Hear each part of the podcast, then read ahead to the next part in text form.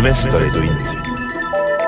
investoritundi toetab Baltic Horizon, pikaajaline dividendimaksja Baltimaade ärikinnisvaras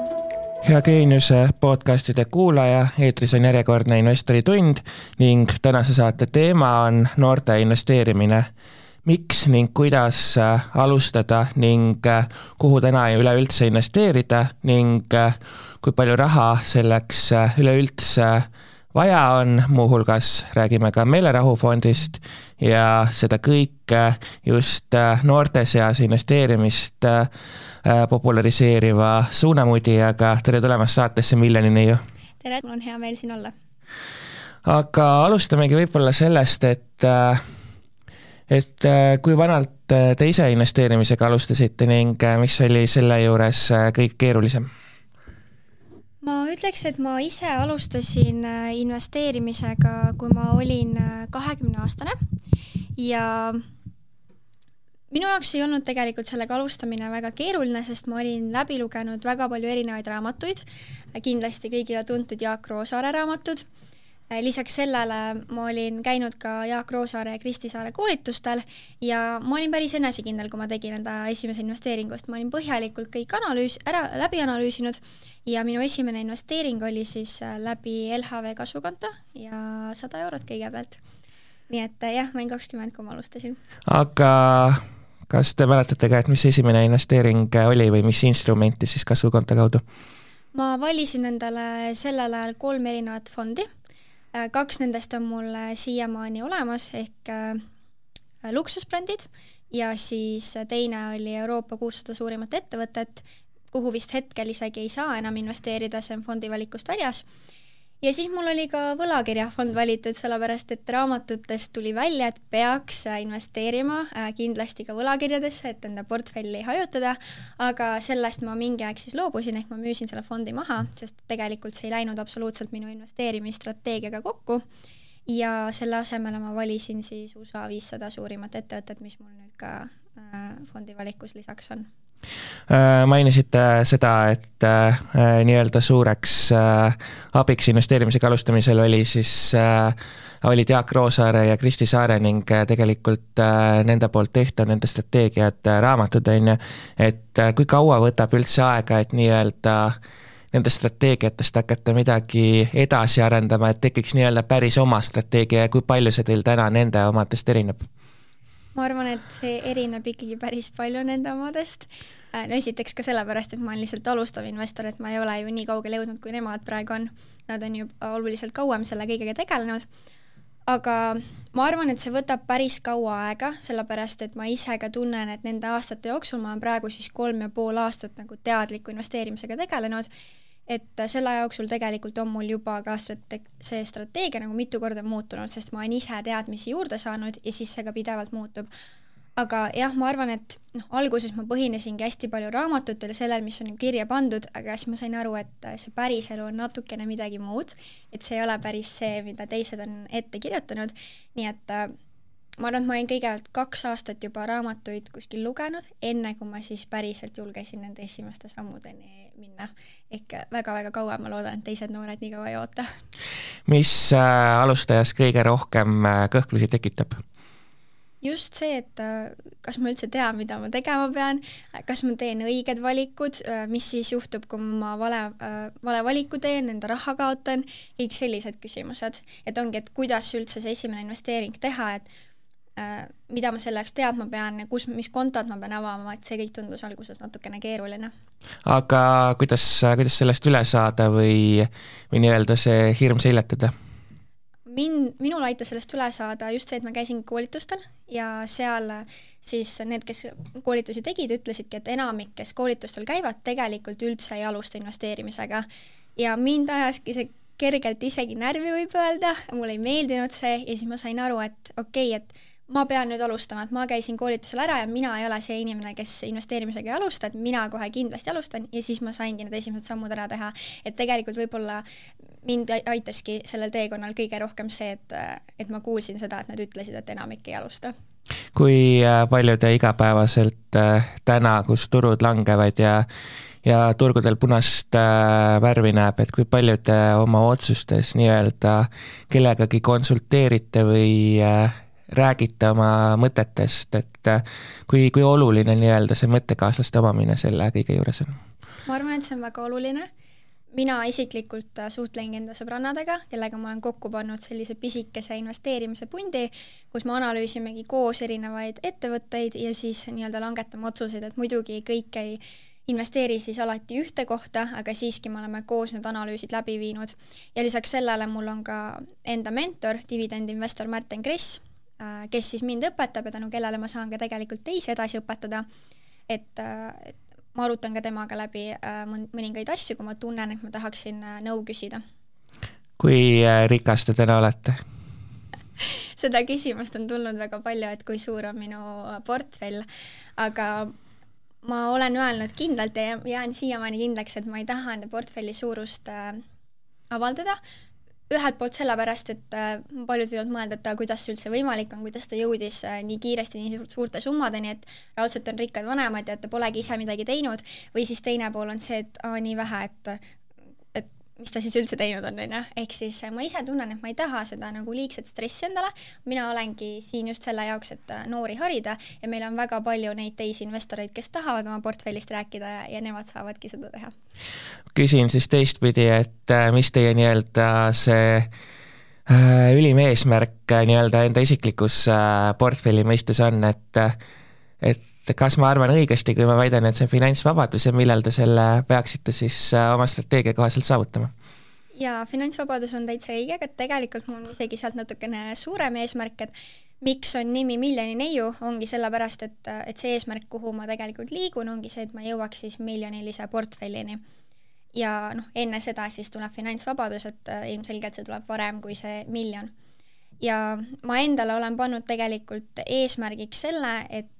noh, seal finantsvabadusel on ka tegelikult ju väga palju erinevaid astmeid, et oleneb, mis kellegi jaoks on finantsvabadus, et minu jaoks oleks finantsvabadus see, et mul passiivsed sissetulekud kõik katavadki minu igakuised väljaminekud.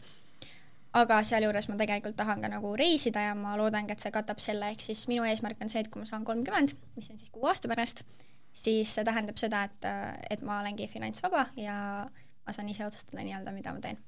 mis on siis äh esimene või nii-öelda unistuste sihtkoht, kuhu finantsvabadust äh, tähistama plaanite minna ähm,?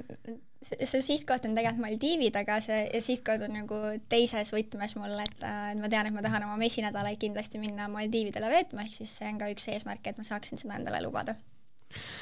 äh, mida praegusel hetkel äh, teie portfellist leiab, et mainisite, et kasvukonto fondidest äh, algsest kolmest kaks on alles, aga aga kuhu te veel investeerite, mis instrumente vaatate?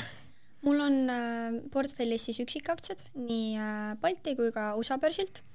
ja lisaks sellele mul natukene, tõesti väike protsent kulda ja väike protsent ka krüptot no krüptot mul ongi väga vähe just sellepärast, et see on väga riskantne varaklass ja ma ise tunnen, et ma saaksin veel oma teadmisi selles valdkonnas äh, arendada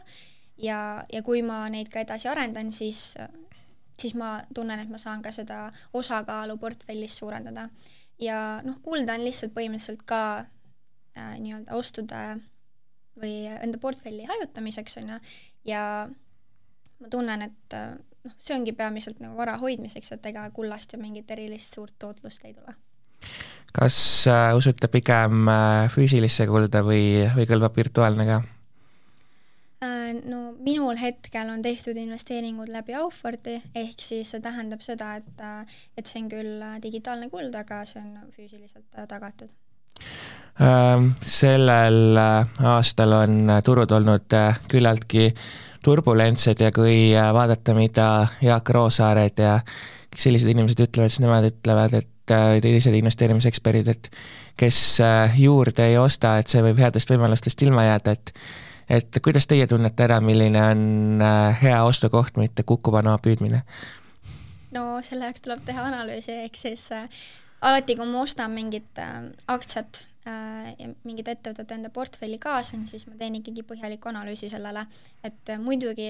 tunne peab olema ka õige, mida ma alati kõigile öelnud, et kui ma juba ettevõttele peale vaatan, siis kas mulle meeldib see, millega nad tegelevad või mitte. Ja siis sellele järgnebki põhjalik analüüs, et kas see äh, ettevõte üldse sobib minu portfelli ja, ja kas on mingit lootust, et, et tal hakkab nagu tulevikus hästi minema, mitte ei ole see, et et tegelikult aktsiahind ongi odav sellepärast, et asjad ongi halvasti. Äh, mainisite, et äh, oluline on see, millega ettevõte tegeleb, et kas see meeldib teile või mitte, et saan ma õigesti aru, et, äh, et tootlusest tähtsam on siis teie jaoks nii-öelda see, et ettevõte vastaks teie nii-öelda elulistele põhimõtetele oma tegevusega ja muud sellist? ma ütleksin küll, sest et ma ei tee investeeringuid ettevõtetesse, mis lähevad minu väärtustega vastuollu mainisite, et teil on muuhulgas ka kodubörsilt ettevõtteid, et, et milliseid ja miks? Äh, jah, seal ma olen jällegi öelnud seda, et ma väga palju ei jaga seda, mis minu portfellis täpselt on ja miks ma ei taha seda jagada, on sellepärast, et ma ei taha, et inimesed teeksid otsuseid äh, põhinedes minu otsustele, et äh, kui mina olen endale mingisugused aktsiat portfelli ostnud, siis see ei tähenda, et kui ma ostsin selle näiteks kaks kuud tagasi, see ei tähenda, et ma nüüd täna jälle sinna raha sisse paneksin. et ma ei taha ka, et, et noored mõtlevad, et okei okay,, millennial on see portfellis, et ma kaasan ka selle portfelli. aga noh, üks, mida ma olen kõigiga jaganud, mis minu portfellis olemas on, on näiteks Enefit Green, mul on olemas ka Coop Pank, mul on LHV, Merko ehitus ja noh, siis on veel lisaks paljusid teisi, aga need on mõned ettevõtted, mida ma olen jaganud, et need on minu portfellis Enefit Greeniga on ilmselt äh, kõige positiivsem kogemus, ma eeldan, sellel aastal, et aktsia, aktsia miinus viiskümmend protsenti, et kuidas te tunnetate, et äh, kas see on ettevõte, mis, mis tõuseb edasi või on juba, juba tipp käes ja on varsti mõistlik müüma hakata? no kui ma nüüd täiesti aus olen, siis ma vahepeal juba müüsin teda, aga ma lihtsalt soetasin uuesti selle ettevõtte, ehk siis minul on ikkagi lootust, et ta tõuseb veel ja mulle ka meeldib see, et ta praegu maksis väga häid dividende. Äh, räägime natuke ka LHV kasvukontost veel, et äh, miks äh, ja kellele see, see nii-öelda hea on või mis on selle eelised teie hinnangul ja kellele te seda soovitaksite? ma ütleks, et ma soovitaksingi seda just alustajatele, kellel ei ole siis investeeritavad summad veel nii suured et kuna mina ka nagu ise alustasin, siis ma olen lihtsalt tahtnud sellega edasi minna, et mul läheb iga kuu sinna püsimakse aga ma arvan, et selle suur eelis ongi see, et, et kõik toimub hästi automaatselt ja mulle endale väga meeldib see variant, et kui ma kaardiga maksan, on ju, siis iga kord mul tegelikult läheb ka mingi summa sinna investeeringuteks. ja mulle meeldib see, et oste tehakse siis igal kolmapäeval, ehk ma ei peagi ise absoluutselt mõtlema selle peale, et ma ostan, ma pean ainult raha nagu sinna kandma, et kui ma olen juba enda analüüsid ära teinud, fondid välja valinud, siis edasi tegelikult äh, on kõik väga lihtne ja ja see ongi nii-öelda automaatne, lihtne investeerimine alustava investori jaoks ja ongi see, et sa saad alustada kõigest ühe euroga, kui tahad. kui äh, palju te üldse turu ajatamise peale mõtlete või kas see on teie hinnangul äh, pigem selline mõistlik tegevus või, äh, või kui pikalt, pikas plaanis investeerida, et siis vahet ei ole, et? No mina olen ikkagi jah, pikaajaline investor, ma ei ole väga kaupleja, ma teen üksikuid kauplemise tehinguid ka, aga pigem ikkagi keskendun nii-öelda investeerimisele ja ma ütleks, et turgude ajastamine on üldse väga keeruline teema ja, ja omaette teema, millest äh, rääkida ja ma tean ise väga vähe investoreid, kes oskavad seda hästi teha või siis võib isegi nimetada neid kauplejateks. ehk ma ütleks, et pikaajalisel investeerimisel on pigem oluline see distsipliin ja järjepidevus, et sa kogu aeg paned seda raha sinna juurde äh, mitte siis ei otsi otseselt neid madalpunkte ja ma tean ka seda, et väga keeruline on tegelikult ju ostma minna alustaval investoril, kui ta näeb, et kõik on miinuses, aga siis ju tegelikult tuleks need tehingud just teha ja, ja kui ongi paika pandud, et ma kogu aeg kannan raha peale, siis äh,, siis see käibki nii-öelda nagu automaatselt ja tegelikult ma arvan, et alustavale investorile tagab ka parema tootlikkuse. kas seesama funktsioon, et äh, sinu ostude pealt äh, läheb äh,, ümardatakse vist üles täis euroni see summa ja siis see vahe läheb nagu kasvukontole, kas see nii-öelda äh, kulutama ei motiveeri, et siis siis tekib kohe tunne, et või nagu põhjendus endale, et ma võin kulutada küll, sest sellega läheb kohe automaatselt nagu ka kasvukontole midagi. see on, see on hea küsimus, ma ei ole kunagi niipidi sellele mõelnud, aga ma ütleks, et minu puhul ei ole tekkinud seda tunnet, et nüüd ma võin kulutada, sellepärast et mul läheb raha, kuna noh, mul läheb muidugi ka kaardiga makstes, aga ma kannan lisaks sellele iga kuu sinna raha kui nüüd äh, IPO-dest rääkida, et siis eelmise aasta lõpp oli äh, tõeline IPO-droom, et kas Enefit Greeni märkisite IPO-st või, või ostsite hiljem turult juurde? IPO-st märkisin ja mingi hetk ma siis pärast müüsin ja, ja siis ostsin tagasi seda. kas,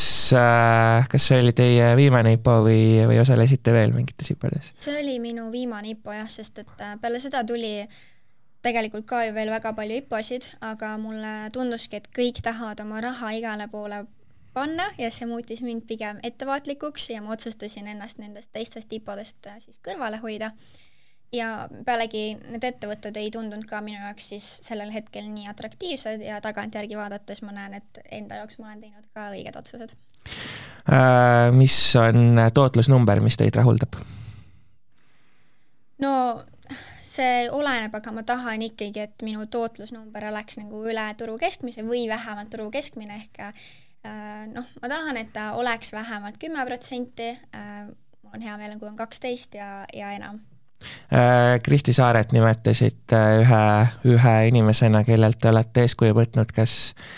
kas võib järeldada, et teil on kolmas sammas ka olemas? on tõesti olemas. Äh, ma olen Kristi Saart eeskujuks võtnud ja noh, suuresti alustasin ka tänu tema koolitusele, nii et jah, kolmas sammas on mul olemas.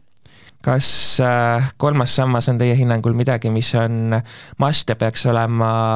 nii-öelda enne teiste investeeringutega alustamist või, äh, või pigem, pigem usute sellesse, et, et ise on, ise on parem? No see nüüd äh, oleneb tegelikult veidi sellest, et kas inimene käib nagu kindlalt palgatööl ja teenib sealt tulu või siis äh, on kuidagi teistmoodi, et tegelebki näiteks ainult ettevõtlusega või siis elab tegelikult kuskil mujal riigis, on ju. et aga ma ei ütle, et see on must, sellepärast et äh, oleneb väga palju investorist, ja mina, minul ei olnud endal olemas kolmandat sammast, kui ma alustasin investeerimisega, ma tegin selle hiljem. samas äh, tuleb tõdeda, et tegelikult see, et sa saad ju riigilt nagu tulumaksu tagasi, et see tõstab oluliselt äh,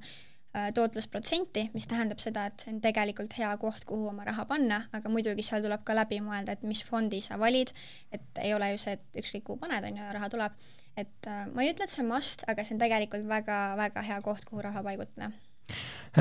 mainisite ka seda, et alati, kui äh, midagi enda portfelli soetate, et siis teete äh, põhjaliku analüüsi läbi, et et milles see analüüs seisneb, et, et mida te vaatate või mida võiks, võiks igaüks ennem millegi soetamist vaadata, et on need suhtarvud, on see tehniline analüüs, vaatate, üritate rahavoogusid prognoosida või, või, või midagi hoopis muud tegelikult on äh, see mul nagu nii-öelda segu põhimõtteliselt kõigest, ehk äh, kui ma alustasin, siis minu jaoks kõige olulisem oli alguses vaadata suhtarve, aga mida rohkem ma olen edasi tegelenud, on ju, olen ka rohkem teadmisi juurde õppinud ja praegu on minu jaoks oluline vaadata ka siis tehnilist analüüsi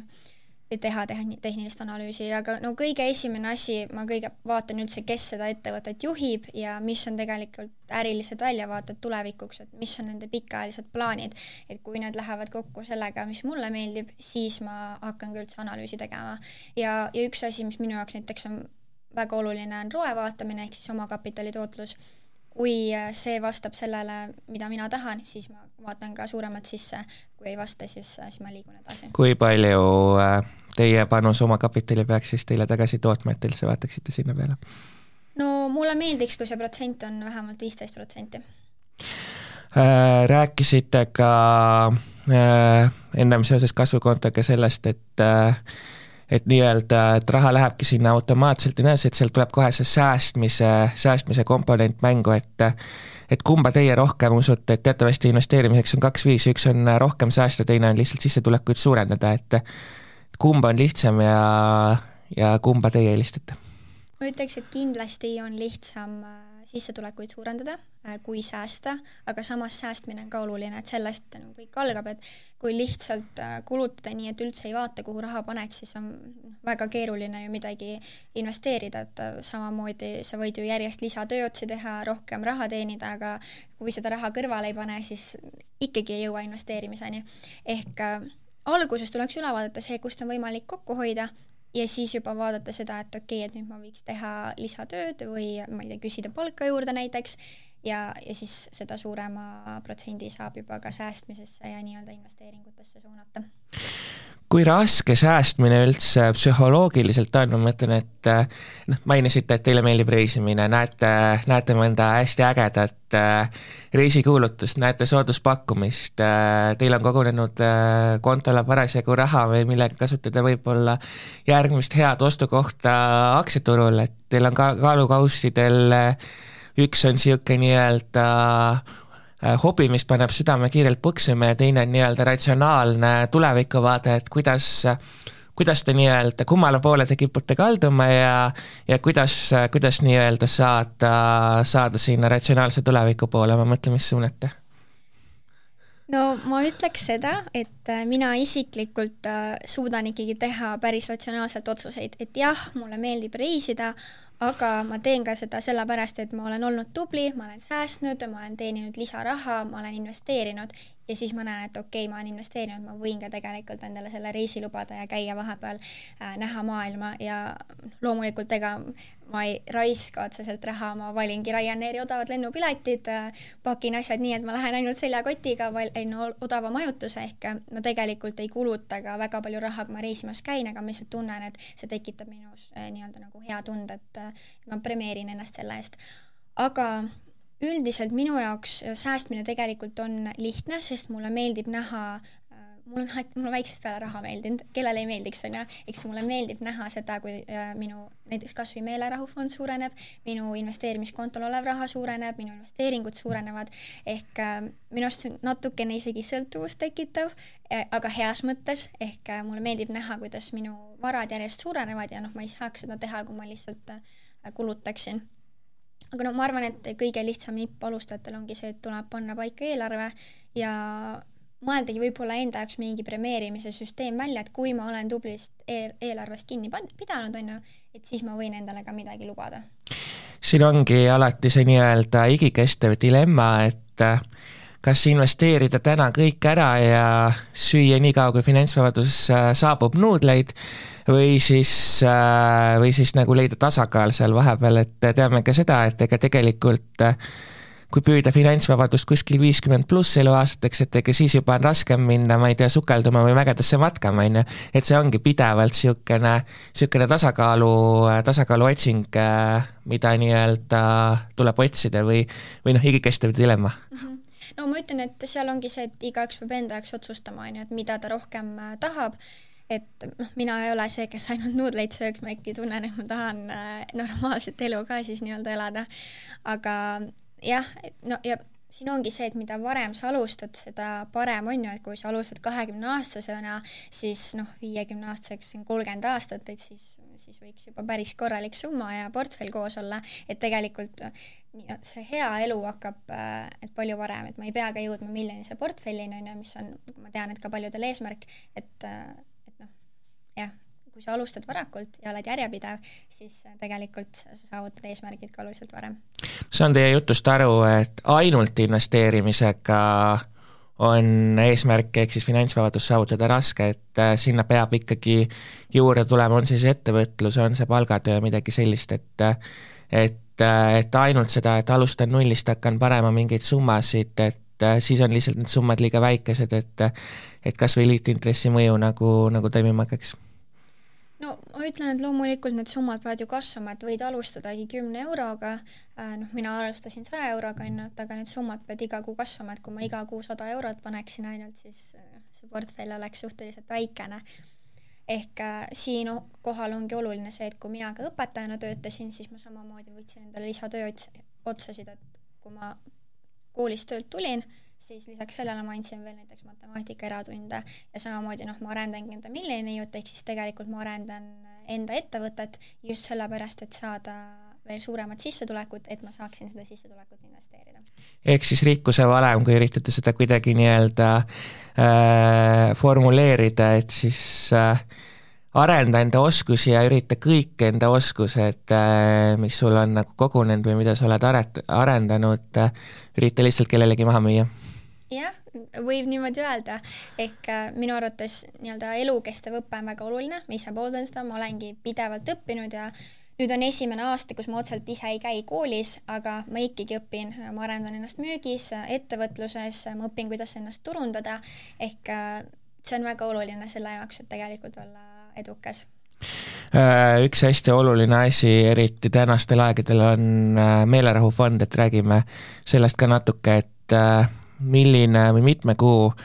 sissetulek või kui suur summa, kuidas iganes te seda defineerida soovite, et mis on see, millega teie saate rahulikult magada? Palju peab kontol olema likviidsena? Ähm, noh, natukene oleneb, äh, ma ise tunnen, et äh, see võiks olla vähemalt kolme kuni kuue kuu kulutused, nii et äh, et kui juhtubki midagi, siis ma saan ära elada ja minu puhul ongi hea näide, et mul oli see meelerahufond koos, minul aprilli alguses juhtuski õnnetus, mille tõttu ma olin poolteist kuud ratastoolis ja ma ei saanudki enam tööl käia ja taastun siiani. ja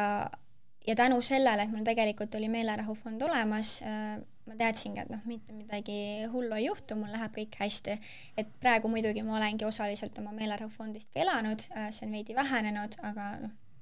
hakkab uuesti mingi hetk kasvama äh,. Kui nüüd äh, meelerahu fondi silmas pidada ja pidada silmas neid samasid võimalusi, mida turud pakuvad, et kas meelerahu, millistel juhtudel on meelerahufondist, mis on võib-olla see kõige suurem turvalisuse tagaja, millistel, millistel juhtudel on äh, õigustatud sealt võib-olla, ma ei tea, investeeringute tegemine või või, või raha ärasuunamine, et peab vist olema väga, väga tootlik või lollikindel investeering või ma ei tea, kas lollikindlat investeeringut on üldse olemas? ma ei tea, kas lollikindlat investeeringut ei ole olemas, aga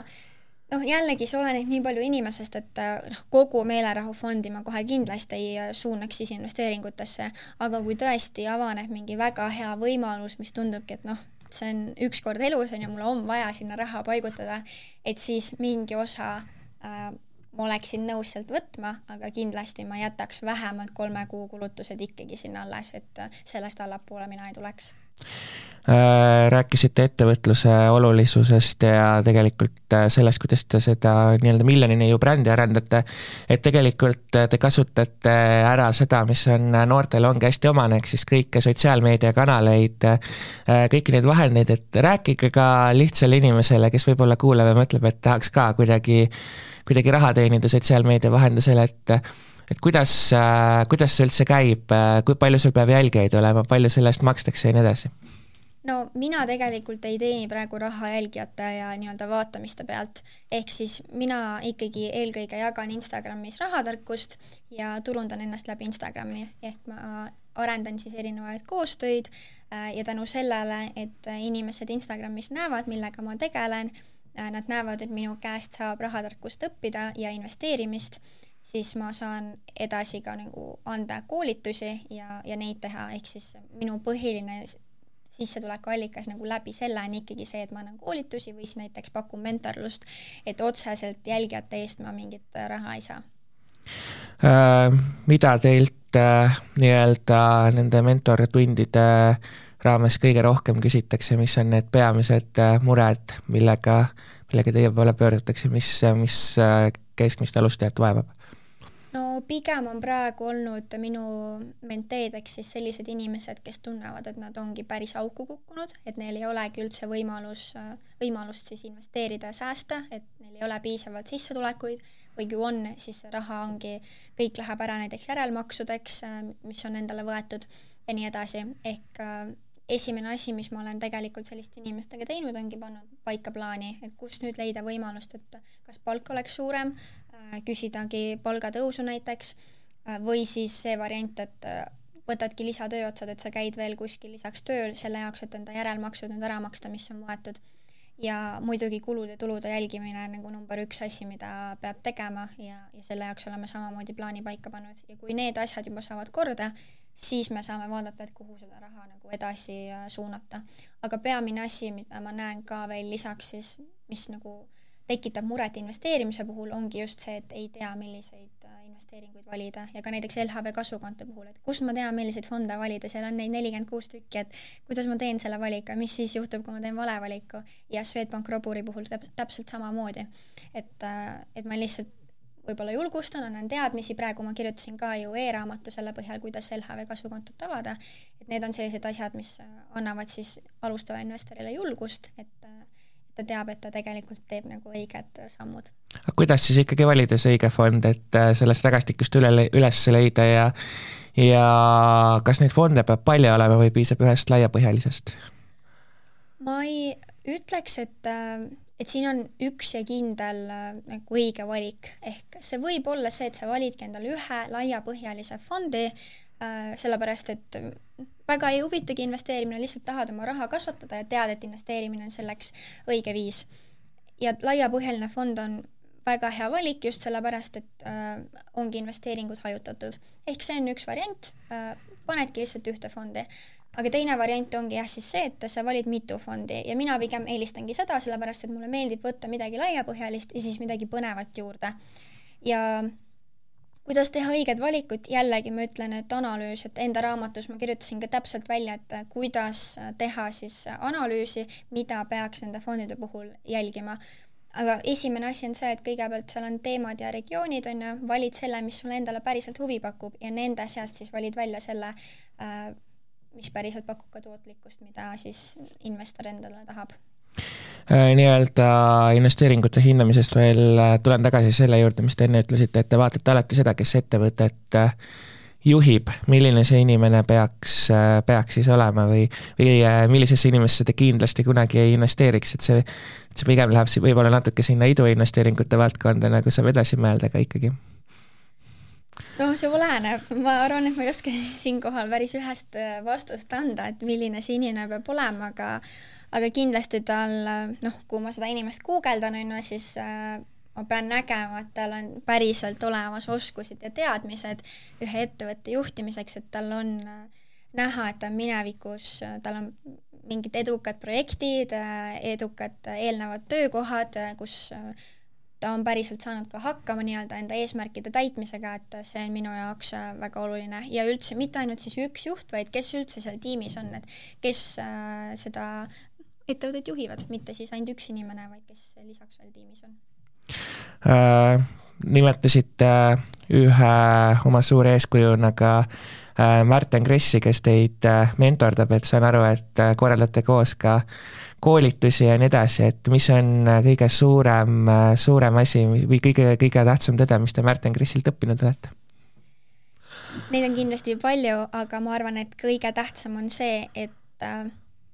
kui sa näed, et mingi sinu investeering on tegelikult miinuses, ta ei paku seda, mida sa ootad, siis täiesti okei okay on see maha müüa, leppida selle kahjumiga ja suunata raha siis äh, järgmistesse investeeringutesse, mis on päriselt kasumlikud ja lähevad nii-öelda investeerimisstrateegiaga kokku. et ka minul oligi selline investeering, on ju, mis tegelikult ju ei sobinud, müüsin maha ja suunasin edasi äh, raha siis äh, sinna, mis oli minu jaoks kasumlikum. et noh, tollel ajal ma küll sain ainult üksteist eurot kahjumit, see ei ole mingi kahjum tegelikult suures plaanis, äh, aga ikkagi sellel hetkel ka ma ei tahtnud, see oli minu esimene selline kahjumlik müük, ma ei tahtnud seda üldse teha, aga tema oli see, kes mind julgustas, et see on okei okay,, kui sa valid äh, enda jaoks tegelikult parema investeeringu. kas dividendiaktsiad või kasvuaktsiad? muidu kasvuaktsiad, praeguses tulu, turuolukorras ma äh, rohkem ostan enda portfelli siis just äh, dividendiaktsiaid Äh, ütlesite ka seda, et olete oma strateegiat äh, mitu korda ümber teinud, et äh, nüüd üks viis, et kasvuaktsiatelt dividendiaktsiatele praeguses olukorras tuli, tuli välja, aga, aga, aga mis veel võib-olla, mida see nii-öelda selle aasta kriis teile,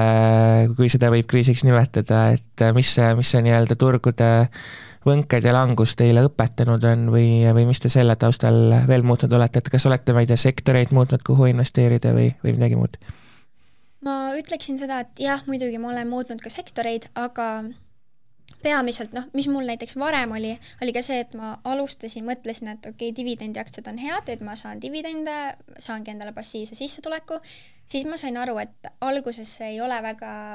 hea lähenemine just sellepärast, et ma tahan nii-öelda portfelli kasvatada, mul on vaja tegelikult kasvuaktsiaid, siis ma läksingi nende peale üle, aga ma näen, et praeguses tulu, turuolukorras on mul raske valida neid äh, nii-öelda kasvuaktsiaid just sellepärast, et ma ei tea, mis turg teeb, et mis majandus teeb, et praegune olukord on lihtsalt nii keeruline, et ma tunnen, et need dividendiaktsiad annavad mulle lihtsalt äh,